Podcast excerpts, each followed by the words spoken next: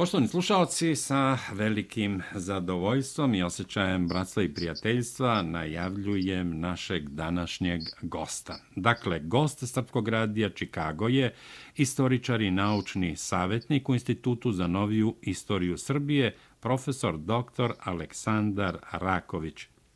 Profesore Rakoviću, dobro veče, dobro došli. Ponovo na talase Srpkog radija Čikago, Bog vam svako dobro dao. Izvolite.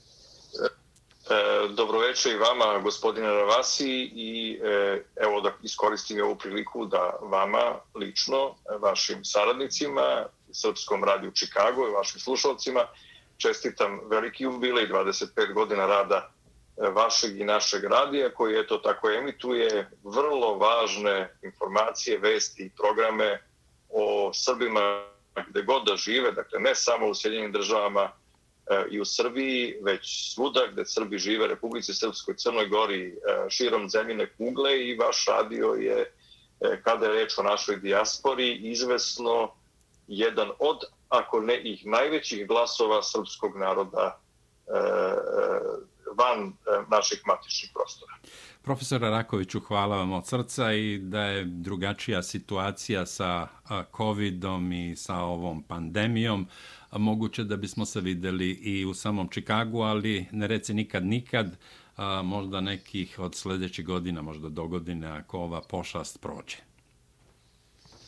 Nadam se, svakako bit će mi posebno zadovoljstvo. Uvek možemo da kažemo do godine u Prizrenu, na Lovćenu, u Kninu, a evo i u Čikagu. To nam je čini mi se za sad u Čikagu najlakše. Tako je, tako je. A, profesore Rakoviću, ja bih želeo da ovako javno razmišljate onome što se dešava u Crnoj Gori. Vi ste izuzetno dobar poznavalac, dobro ste informisani.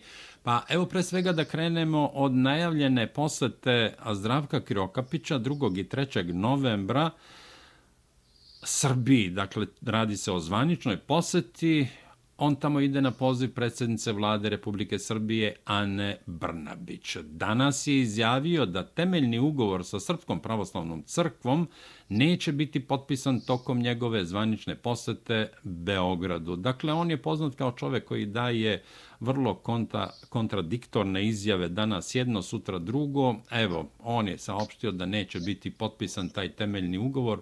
Zašto i kako? Ponekad ne, ne, što kaže naš narod, koga bije po ušima da saopštava ovo ili ono, ali eto, a, Krivokapić je takav, pa molim vas za komentar, šta očekujete od ove posete?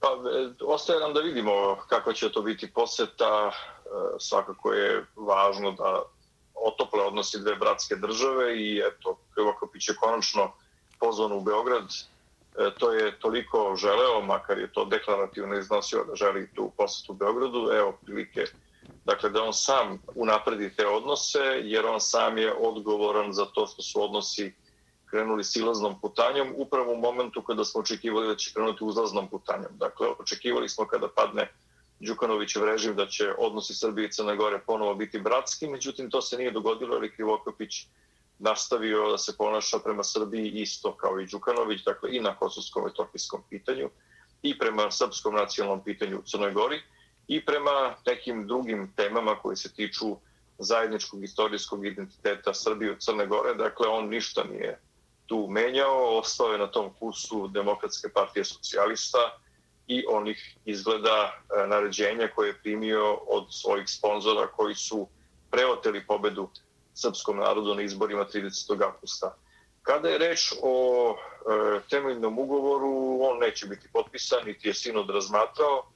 Dakle, Sinod je dobio mišljenje stručne komisije koju je formirao Patriarh. Ta tročlana komisija analizirala je čak četiri teksta. E, jedan prvi tekst koji je bio analiziran je onaj e, koji Kivo Krepić nije htio da potpiše u Beogradu, a kasnije je on poslao još tri različite verzije svog predloga temeljnog ugovora, tako da je on prosto zbunio e, Sveti arhijerijski sinod i patrijarha tim svojim e, neprestanim slanjem iznova iznova nekih novih tekstova, čak u isto vreme je poslao različitim kanalima dva e, nacrta temeljnog ugovora, svoje nacrta koje su se razlikovala, a stiglo se u isto vreme u patrijaršiju, dakle, trebalo bi da onda se utvrdi koje od tih verzija prava koje je predlog, e, onaj koji bi bio važeći. Mislim, to s Kilokapićem se, kao što ste i sami rekli, nikad ne zna, možda je to i namerno uradio i učinio da pošalje u isto vreme različite tekstove da bi zbunio e,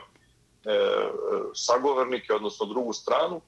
E, pa prema tome, e, sada Sinod to analizira bez nekih e, naročitih namera da se s tim žuri, da se vodi računa o nekoj e, E, dnevnoj politici i tako dalje. E, kad bude bila prilika da se da Sinod e, upodobi svoje mišljenje o svim tim verzijama i upita Krivokapića, postavi mu neka dopunska pitanja o čemu se radi i šta on stvari hoće, pa kad Krivokapić odgovori na to, onda ćemo znati otprilike kad bi taj ugovor mogao da se potpiše, ali ja ne vidim da bi to moglo da bude pre polovine sledeće godine, a možda čak i krajem sledeće godine. Nažalost, Krivokapić je toliko prokockao poverenje e, koje je srpski narod imao u njega da je to neverovatno i to za jedan vrlo kratak vremenski period i sada eto, se nalazi u situaciji da mu više niko ništa ne veruje imao je priliku da popravi te utiske kada je bilo ustoličenje mitropolita Nike na Cetinju.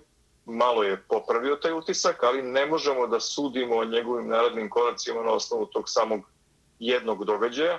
Već ćemo da vidimo kako će proći ovaj susret u Beogradu.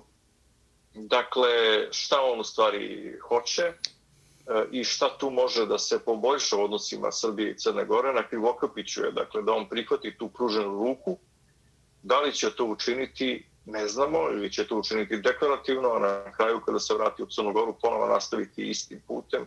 Vidjet ćemo, dakle, ali što se tiče tih e, suštinskih stvari, odnosa za sada, osim tog jednog poteza oko ustoličenja Cetinju, Krivokapićeva politika prema srpskom pitanju u Crnoj Gori i prema srpskom pitanju u celini, prema odnosima sa Srbijom, bila je veoma, veoma loša. Profesore Rakoviću, premijer Zdravko Krivokapić juče je saopštio da će formirati demohrišćansku stranku. Danas je u parlamentu na tom premijerskom satu saopštio da on to nije baš tako rekao, nego ako se steknu neki uslovi i tako dalje. Šta to znači? formiranje demohrišćanske partije od strane premijera Zdravka Kriokapića? Pa on će sigurno formirati demohrišćansku stranku. Ako ne formira on lično, formirat će neko od njegovih najbližih saradnika, recimo ovaj Niki Spajić ili neko drugi. To što je Krivokapić Oprostite, rekao... kako ste, ovaj, kako ste, jer se radi o Milojku Spajiću, kako ste ga nazvali? Da, da, pa Miki, on sam sebe tako predstavlja. O, znate, to da, je da, da, Miki dobro. Spajić, to je, ili Mitke Spajić, to je njegov uh, nickname ili nadimak koju on sam sebe, sam za sebe koristi, dakle, to je tako. I ovaj, poznat je po tome da ga svi zovu ili Mitske ili Miki, jer on svoje ime izuzetno redko u punom vidu upotrebljava, tako da je to Miki Grimicki i Spajić, pa vidjet ćemo ovaj, ko će osnovati tu demohrišćansku stranku, ali ona će sigurno biti osnovana. Dakle, Krivokopić nije želeo da testira javnost, e, nego je samo najavio da će se to dogoditi, pa sad to uh, vidjet ćemo da će to biti za mesec, dva ili tri, ali u svakom slučaju uh, svaki njegov pokušaj da za tu svoju stranku dobije neke, za sebe dobije poene za kreiranje stranke tako što će posjetiti Beograd ili imati nameru da potpiše temeljni ugovor sa Srpskom pravoslavnom crkvom, to neće moći i dakle šta god da misli da mu to bude neka odsučka, odskočna daska i da on tumači kao svoju podršku sebi i svojoj budućoj stranci i državnog i crkvenog Beograda, to se neće dogoditi. Dakle, to može potpuno da zaboravi. E, pošto je on diletant u politici, možda on upravo misli da će mu ovo biti neke odskočne daske, ali to se sigurno neće dogoditi. Krivokapić će ići tim putem kojim je krenuo, on ne može da uđe u biračko telo demokratskog fronta, s obzirom da e, je to jedan potpuno drugačiji vid politike i odnose prema srpskom nacionalnom pitanju. On izvesno može da uđe u polje demokratske Crne Gore, dakle Bečićeve stranke i tu će se onda voditi nova velika bitka između e, Krivokapić i Bečića. To ono što nismo mogli toliko da vidimo do sada, ali znate, e, kada se e, uđe u tu novu utakmicu na istom polju i kada i dve strane koje su ranije možda bile i u saradnji u koaliciji počnu da pretenduju na isto biračko telo, onda prestaju i njihovi prijateljski i drugarski ili kohabitocijni odnosi, pa ćemo onda vidjeti jednu utakmicu koja, čini mi se, između njih neće biti fair. Profesor Rakoviću, tokom boravka u Beogradu Zdravko Krivokapić će verovatno biti upozoren ili će mu biti saopšteno da Srbija očekuje povratak ambasadora Vladimira Božovića koji je bivši režim ili bivša vlada Duška Markovića proglasila za personu non grata. Šta mislite, hoće li doći do povratka ambasadora u Podgoricu? E, nažalost, mislim da neće doći e, zbog toga što e, je ova Krivokapića vlada potvrdila tu odluku DPS. Dakle, to nije bila samo odluka DPS-a, nego je Krivokapićeva vlada potvrdila odluku DPS-ove bivše vlasti. Krivokapić čak može i da, pazite, to može biti neka situacija u Beogradu, on može čak i da e, prihvati i obeća e, da on nema ništa protiv e, toga da ambasador Božović ponovo dođe u Podgoricu, ali će insistirati na proceduri koja je takva da upravo Milo Đukanović odlučuje o tome. Dakle, Milo Đukanović je dalje predsjednik Crne Gore i on daje konačno reč o tome može li doći ambasador Srbije ili ne može, s obzirom da mu ovaj, e, da mu je upravo Đukanović, otka, odnosno Darmanović, otkazao gostoprimstvo, a Đukanović je taj kome on treba da preda akreditive i to se izvesno, makar što se Đukanovića tiče, neće dogoditi. Dakle, može da se dogodi da Krivokapić odigra tu ulogu navodnog dobrog momka, kaže da sve može, ali pritom i on sam zna da to u stvarnosti na taj način neće biti moguće da se odigra. Da li postoji neka mogućnost e, kreativnog rješenja koje bi Krivokapić zajedno s ovim njegovim ministrom spoljnih poslova Radulovićem mogao da učini? Ja mislim da bi mogao, ali on nije spreman na taj korak jer bi to dovelo u pitanje e, možda čak i njegovu vladu, odnos sa Abazovićevom strankom, pa čak i sa Abazovićevim sponzorima to su ovi odloglašani koncern vijesti koji evo ne dozvoljavaju da se izvrši rekonstrukcija vlade. Da, to je jedno od sljedećih pitanja. Da li će doći do popisa stanovništva i rekonstrukcije vlade Crne Gore? E, do rekonstrukcije vlade Crne Gore neće doći zbog toga što to ne želi najmanji partner i sponsor najmanjeg partnera. E, dakle, Govorite dakle, o Uri Dritana Bazovića. O Uri Dritana Bazovića i njihovim sponsorima koncernu vijesti, dakle neće sigurno doći do rekonstrukcije vlade. Ukoliko bi došlo do rekonstrukcije vlade, to bi bilo revolucionarni preokret u Crnoj Gori, dakle e, u političkom smislu govorim, naravno, prema tome to se neće dogoditi, a kada je reč o popisu, izvesno je da ga ove godine neće biti. Takođe, ako pratite, Krivokopić nema ništa sada protiv nacionalnog verskog i jezičkog izjašnjavanja, on bi to sproveo, on će čak možda i ići na to ovaj, da e, se pokuša usvajanje tog zakona u Skupštini Crne Gore, ali protiv tog popisa su ponovo isti ovi akteri, uključujući Vijesti i Abazovića. Prema tome, Krivokapić bi za taj popis volao da nađe većinu sa manjinskim strankama koje su u, jako vezane za DPS, a DPS-u popis ne odgovara. Tako da će i to biti jedno ovaj, vrlo teško izvodivo rešenje kako izglasati sa 47 glasom u Skupštini Crne Gore e, zakon o, sprovođe, o, zakon o popisu koji bi se sprovao u prvoj polovini sledeće godine. Jer ako e, Abazović e, i otkaže, otkaže poslušnost, e, e, makar u tom smislu, i ako manjine to ne podrže, onda e, Demokratski front zajedno sa svojim saveznicima i zajedničke koalicije, pa evo i demokratama kao drugoj koaliciji, ako oni budu htjeli, oni neće imati većinu.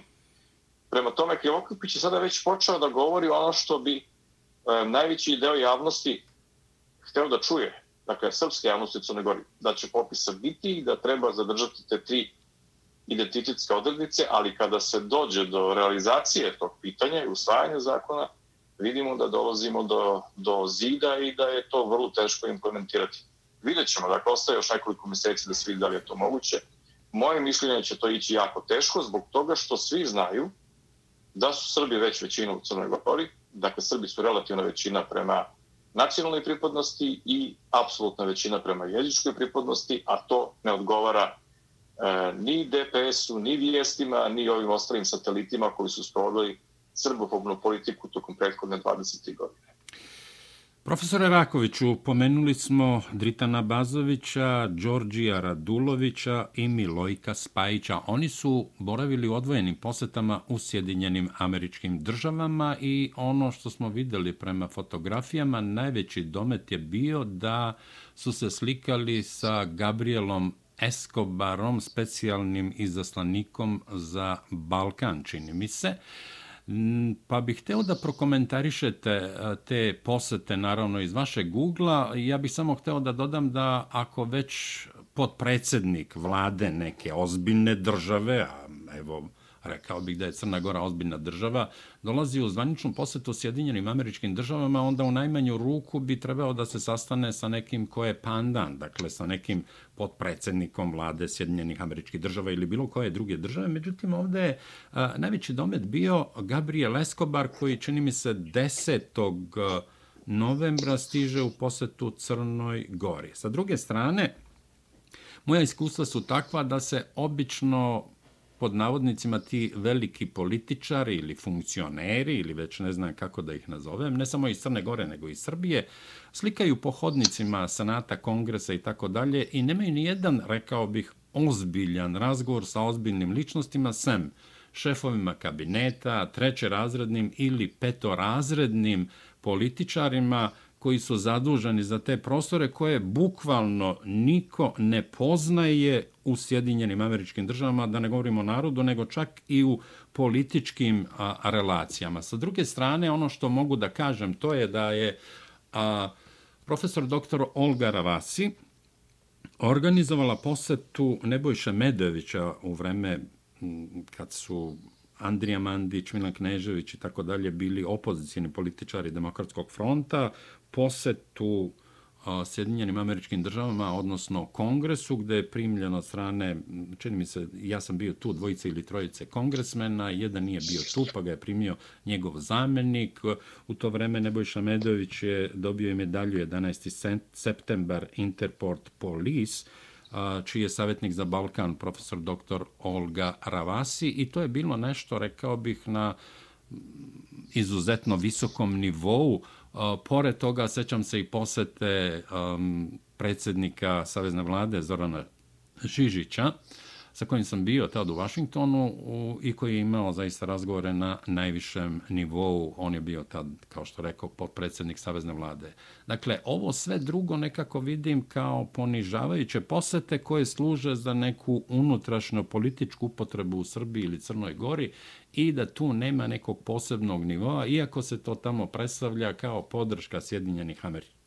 Sjedinjenih američkih država, reformskom putu i tako dalje i tako dalje. I samo još da napomenem da je u Naples, Florida, u sredu održan jedan izuzetno, rekao bih, ozbiljan susret na kome je govorio pukovnik Douglas McGregor, jedan od najbližih saradnika bivšeg predsjednika Sjedinjenih američkih država, koji je to na, ja, ja sam, ovaj, što bi ovi rekli, ponosan na to što je to organizovala moja kćerka, profesor doktor Olga Ravasi, to je bilo izuzetno uspešno, pa evo, molim vas za komentar ovih poseta koje su u principu susreti sa treće razrednim političarima pod navodnicima, odnosno državnim službenicima, oni nisu čak ni političari, državni službenici koji nemaju nikakav uticaj ovde za koje maltene niko i ne zna sem eventualno u State Departmentu kao službenicima, a tamo se predstavljaju kao, ne znam, neki veliki igrači i tako dalje. Kao što je bio ovaj a, nesrećni Hoyt Ji, koga više niko ne pominja, bio je strah i trepet za zemlje bivše Jugoslavije, Srbiju, Crnu Goru, Makedoniju i tako dalje. Ja sam malo odužio, ali evo, izvolite, molim za komentar. Da, da, pa Hojki je bio diplomata devetog ranga, koji je, to je deveti rang e, upravo u State Departmentu, dakle prilično tako donja srednja grupa, ovaj, koji je zloupotrebljavao neke svoje veze da bi e, i imao tu neku energiju svoju destruktivnu da bi pokušavao da deli lekcije na prostoru bivše Jugoslavije. Njegov poslednji sastanak sa Vučićem u Beogradu završio se tako što ga Vučić izbacio iz svog kabineta. Ovaj, e, pokazao mu je vrata u stvari, rekao mu je da je sastanak završen i pokazao mu je vrata i onda se Hojti više nikada nije ni vratio, čini mi se u Beogradu, ako možda privatno, ali drugačiji nije. E, kada je reč o, o Republici Srbiji e, i tim susretima na državnom nivou, podsjetio bih da Srbija ipak ostvaruje na najvišem državnom nivou te susrete i na vrlo visokom, pa i na susret e, Vučića i Trumpa u, u Sjedinim državama prošle godine, taj susret. Da, izvinjavam se, ja sam govorio ovim, ja sam govorio ovim pod navodnicima velikim političarima i, i tamo rekao bih pre svega da su na neki način drugorazredni, ali nemaju adekvatan prijem ministri i tako dalje. Dakle, ne govorimo o predsjedniku. Naravno. Ovaj... Naravno, svakako, svakako. Ja znao sam, znam ja što, što vi hoćete kažete, nego samo evo da prosto se stekne neka slika i utisak o, o tim ljudima i o različitom rangu o, i odnosu e, Vašingtona, zvaničnog Vašingtona i predsjednika Amerike prema Republici Srbiji i prema onima u Crnoj Gori i oslom. Sjećate se kako je Trump, e, kako se Trump ponašao prema e, predstavnicima Dušku Markovića. Vlasti, kako je Duška Markovića gurnuo sleđa i tako da, da, da, to je bio taj njegov odnos prema Crnoj Gori i Đukanovićevom režimu bez Trumpove, Trumpove vlasti u Sjedinim državama Đukanović ne bi predao vlast. Već bi vjerojatno išao u sukobe sa Srbima. O, e sada kada je reč o, o, o Abazoviću, Raduloviću i um, ovom Spajiću e, radi se o ljudima niskog dometa koji nemaju mogućnost i neće imati mogućnost da se sretnu s nekim na, u Vašingtonu na najvišem nivou. Escobar je otprilike taj neki nivo, to je negde 8. i 9. On je u stvari specijalni zaslanik, ali nije u rangu ambasadora.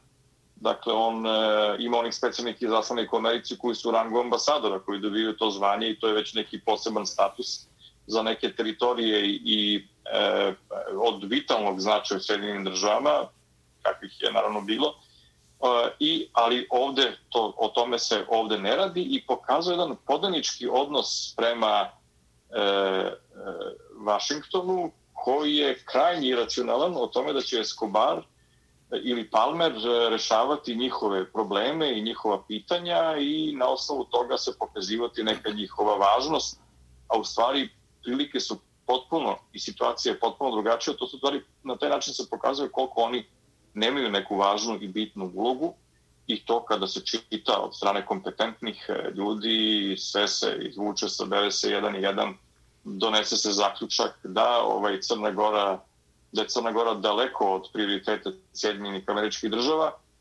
i predsjedniku Dodiku je to bilo jako jasno, sećate se tog njegovog razgovora sa Escobarom u Banja Luci, da, kad je on rekao da. šta je rekao ovaj, e, s obzirom da, on, da je on svestan tog ranga i da ovaj, e, sa Dodikom se ne može na taj način razgovarati, a ne možemo se pretiti.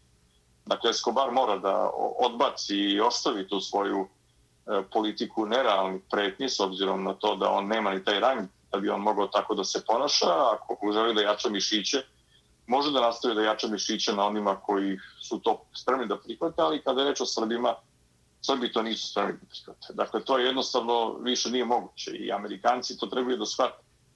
E, ako žele Srbe za saveznika, treba zaista da se ponašaju na taj način. I e, mislim da ima prostora da Srbi budu i prijatelji, savezniki Moskvi, Vašingtonu, i Briselu, i Londonu, i svima, da podu tu svoju politiku e, kako je bila ona koju je Beograd vodio i tokom 20. veka, da se prosto ne zauzima neka strana na sasvim izrečit način, da to bude pomirljiva politika, prijateljska politika prema čitavom svetu.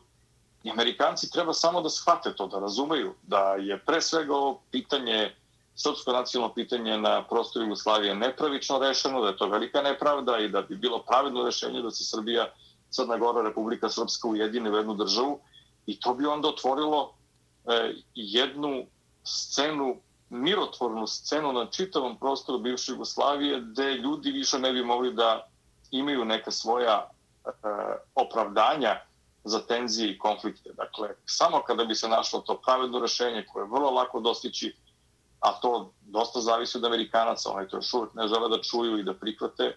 Dakle, svima bi, bi nam bilo lakše, pa čak i samim Amerikancima, ali dok ne ode ova klintonistička grupa, očigledno, sa, sa scene, to ona koja je razbila Jugoslaviju, onda još uvek će proći neko vreme dok ne dočekamo e, situaciju i scenariju koji bi pravično rešio sva nacionalna pitanja na prostoru bivše Jugoslavije.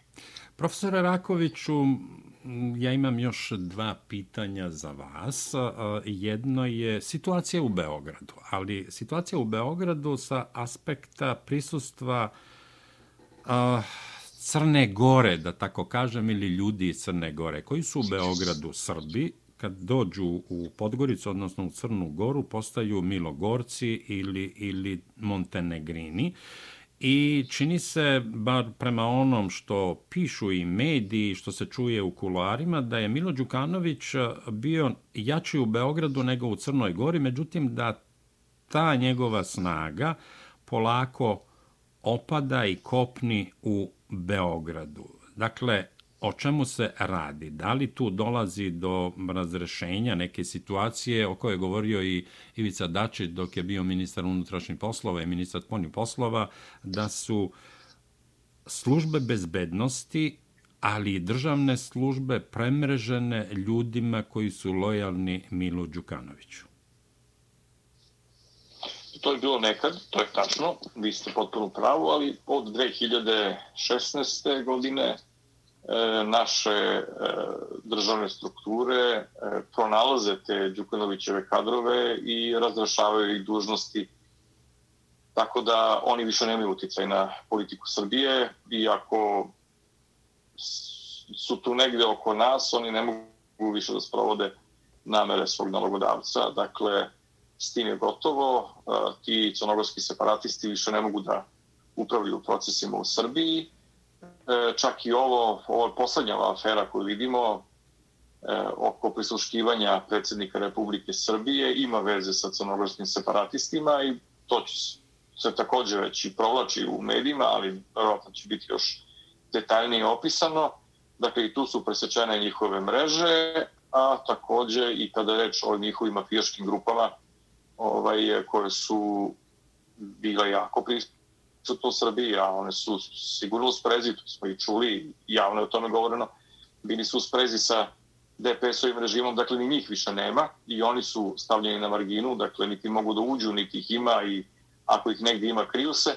Ovaj, prema tome, e, Srbija je, makar što se tiče tih crnogorskih separatista i njihovih službi, za sada u povoljnom položaju i e, nema razloga za neku bojazan da li će se oni aktivirati neki njihovi e, spavači koje ranije niko nije ni primećivao, to ćemo videti, ali pretpostavljam da se e, državne strukture Republike Srbije bliže tome da okončaju tu svoju višegodišnju akciju pronalaženja i e, razrešenja kadrova koji su bili lojalni Milo Đukanoviću. Neverovatno, ali dok sam ja bio u Ministarstvu vera Republike Srbije, ovaj, e, mi smo E, primećivali čak i kod nekih ambasadora ovaj, e, Republike Srbije koji su nam bili na službama u nekim drugim zemljama, primećivali smo da nam traže podatke o prilikama u Crnoj Gori i u, sa, crkvom, sa Srpskom crkvom u Crnoj Gori, a da recimo ti sami ambasadori nisu imali nikakve veze s Crnom Gorom, nego su bili u drugim delovima sveta, što je pokazivalo da oni imaju nameru da nekom dostave te informacije. E, mi smo naravno obaveštavali o tome ministarstvo spoljnih poslova, da je nama neprihvatljivo da ne komuniciramo na taj način i otprilike tad se jasno već videlo ovaj, da će nešto morati da se uradi, ali evo čekalo se izvesno neko vreme, posebno je e, ovaj događaj i tog lažnog državnog udara u Crnoj Gori bio inicijalna kapisla ovaj, da se počne razrešenje sa tim kadrovima crnogorskih službi koji su se zatekli u Beogradu i još, i, još iz Jugoslovenskog ili vremena SR Jugoslavije, ovaj, da se shvati da njihova eh, podvala i onda da se krene polako u, u, u njihovo e, razrešenje u našoj službi, da bi se onda eskalacija ovaj, verovatno dogodila pre dve ili tri godine kada su čini mi se predsjednik Vučić još neki javno iznosili ovaj, to da ovaj, sa tim kadrovima crnogorskim koji su radili loše i o glavi Srbiji mora da se završi tako što više neće biti prisutni u našim državnim strukturama. Dakle, ako, ako već žele negde da se bave tim poslom kojim se bave, da se vrate u Crnogoru i nek se bave time ovaj, u Srbiji su svakako, i to je moje mišljenje, zaista, svi ti crnogorski separatisti treba u Srbiji da budu samo neželjeni stranci. Dakle, oni više nisu nikakva braća i pošto se ne smatraju Srbima, oni treba da budu neželjeni stranci i tako treba da ih tretiramo. Profesore Rakoviću, evo i za kraj, situacija u Bosni i Hercegovini. U Bosni i Hercegovini su boravili predstavnik Ministarstva spoljnih poslova Sjedinjenih američkih država, gle čuda, zadužen je za izbornu reformu, radi se o Matthew Palmeru. I danas je zajedno sa njim bila tu i direktor pri Evropskoj službi za spoljne poslove Angelina Einhorst ili Eichhorst, nije više ni važno. Oni su razgovarali sa članovima predsjedništva, međutim ono što je interesantno, razgovarali su i sa Draganom Čovićem, Miloradom Dodikom kao predsjednicima nejačih stranaka u Bosni i Hercegovini, stranka nezavisnih socijaldemokrata i Hrvatska demokratska zajednica. Dakle, Palmer Einhorst govore da se do rešenja krize u Bosni i Hercegovini može doći samo dijalogom.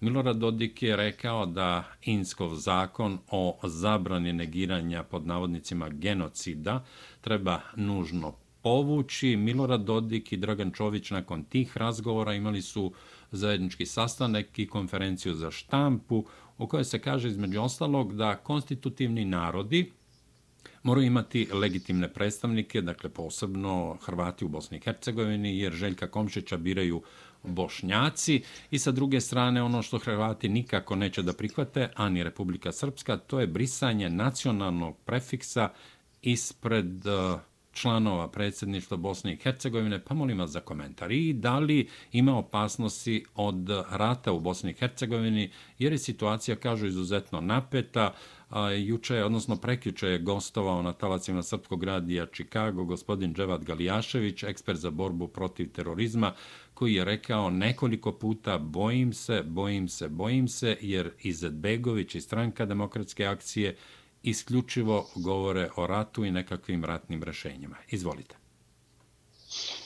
Pa da, Republika Srpska treba da nastavi ovim koracima kojim je krenula, koje je predsjednik Dodik i najavio, a to je da se vrate ovlašćenja koje pripadaju prema izvornom Dejtonskom sporazumu, a na taj način Bosna i Hercegovina se vraća tom ustavnom uređenju koje je jedna labava unija e, koju čine dva državna entiteta, dakle ne dva entiteta, nego dva državna entiteta koji su stvari države e, u jednoj labovoj uniji. To je jedno nametnuto rešenje da bi se završio rat, ali e, i rešenje koje bi moglo da dovede do e, pa, padanja tenzija u Bosni i Hercegovini, ali naravno plašim se da SDA, Izetbegović i Čaferović nemaju nikakvu nameru da prihvate E, tu povratak e, dejtonskih ovlašćenja za Republiku Srpsku i Republika Srpska će morati da krene jednostrano tim e, putem i da ide do kraja.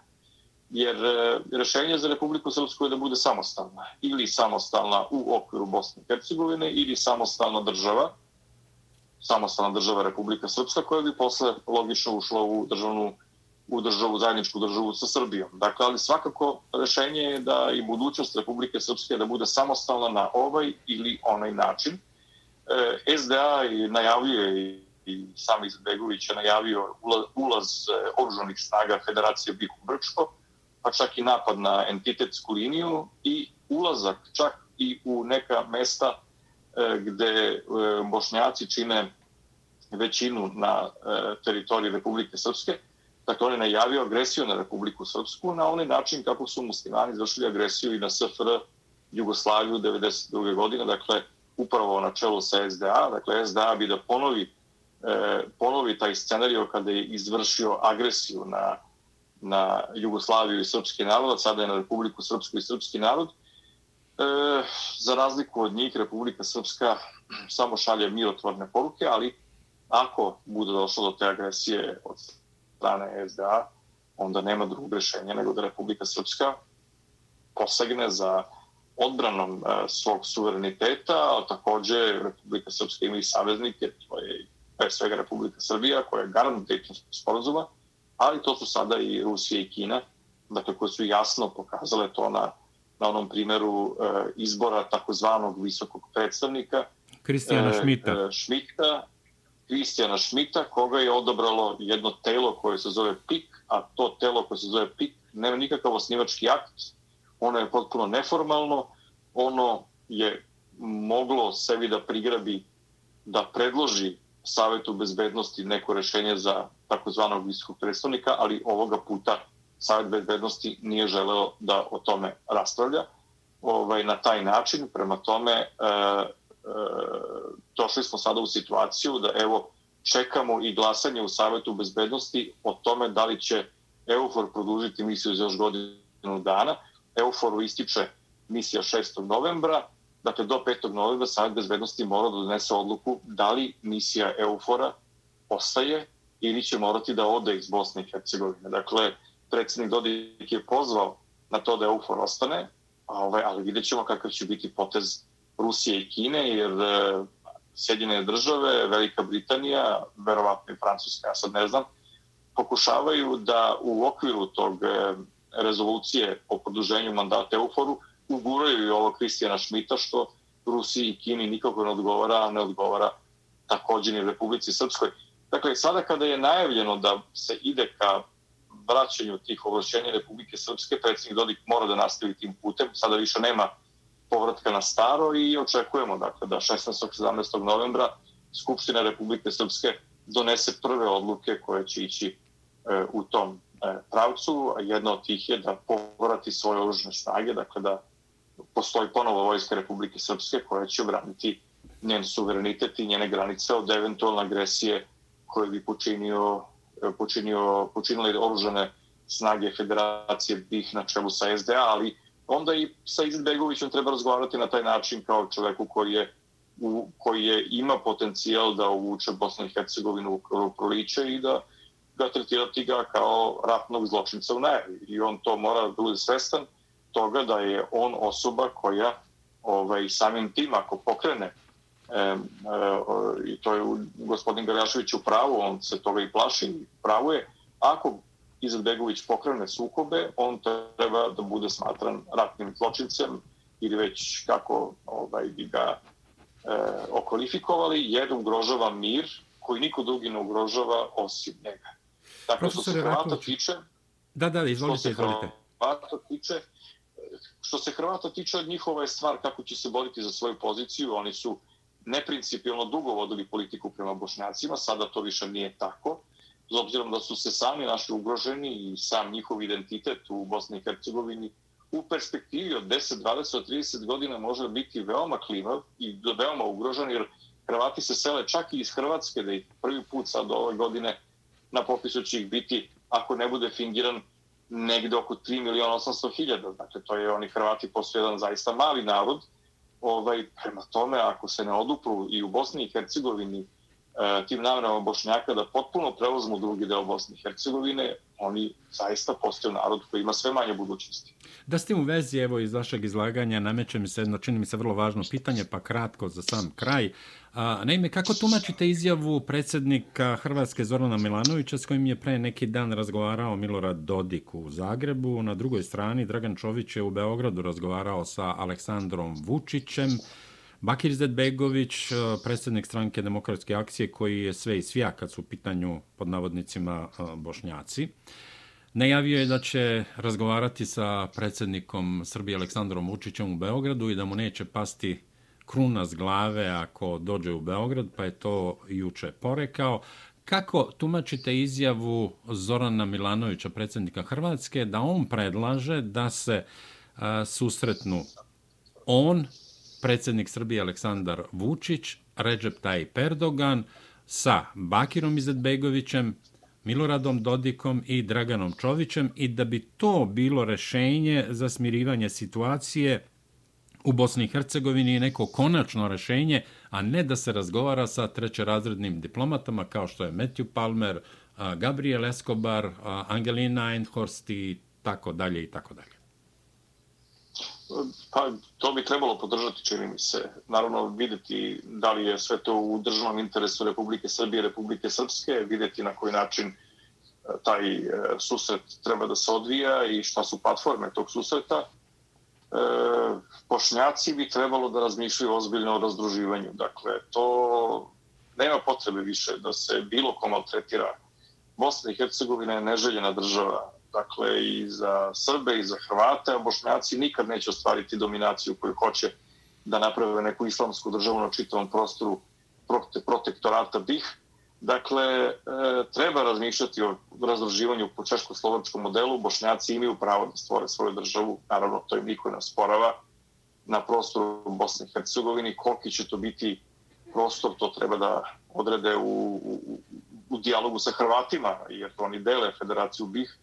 Dakle, treba da vide kako će se stvari razrešavati, ali zaista treba, treba nas sve rastaviti tog tereta zvanog protektorat Bosne i Hercegovina, jer protektorat Bosne i Hercegovina se e, samo razgrađuje, on se raspada, on se samo raspada jer je, jer je izdignut na nezdravim temeljima. Na isti način se raspada, ras, raspada i takozvana crnogorska nacija. Isto je nastala na nezdravim temeljima. Dakle, treba naći zdrava rešenja koja će doneti dugoročno dobit i mir na čitavom prostoru bivše Jugoslavije ili Balkana, a ne posezati za tim neprincipijalnim i lošim rešenjima i održavati Bosnu i Hercegovinu kao državu koju niko ne može da podnese. Dakle, e, zašto bi to bilo demokratsko rešenje održavati Bosnu i Hercegovinu, a zašto bi bilo ne, nedemokratsko rešenje da se Bosna i Hercegovina razdruži po češko-slovačkom modelu i zašto bi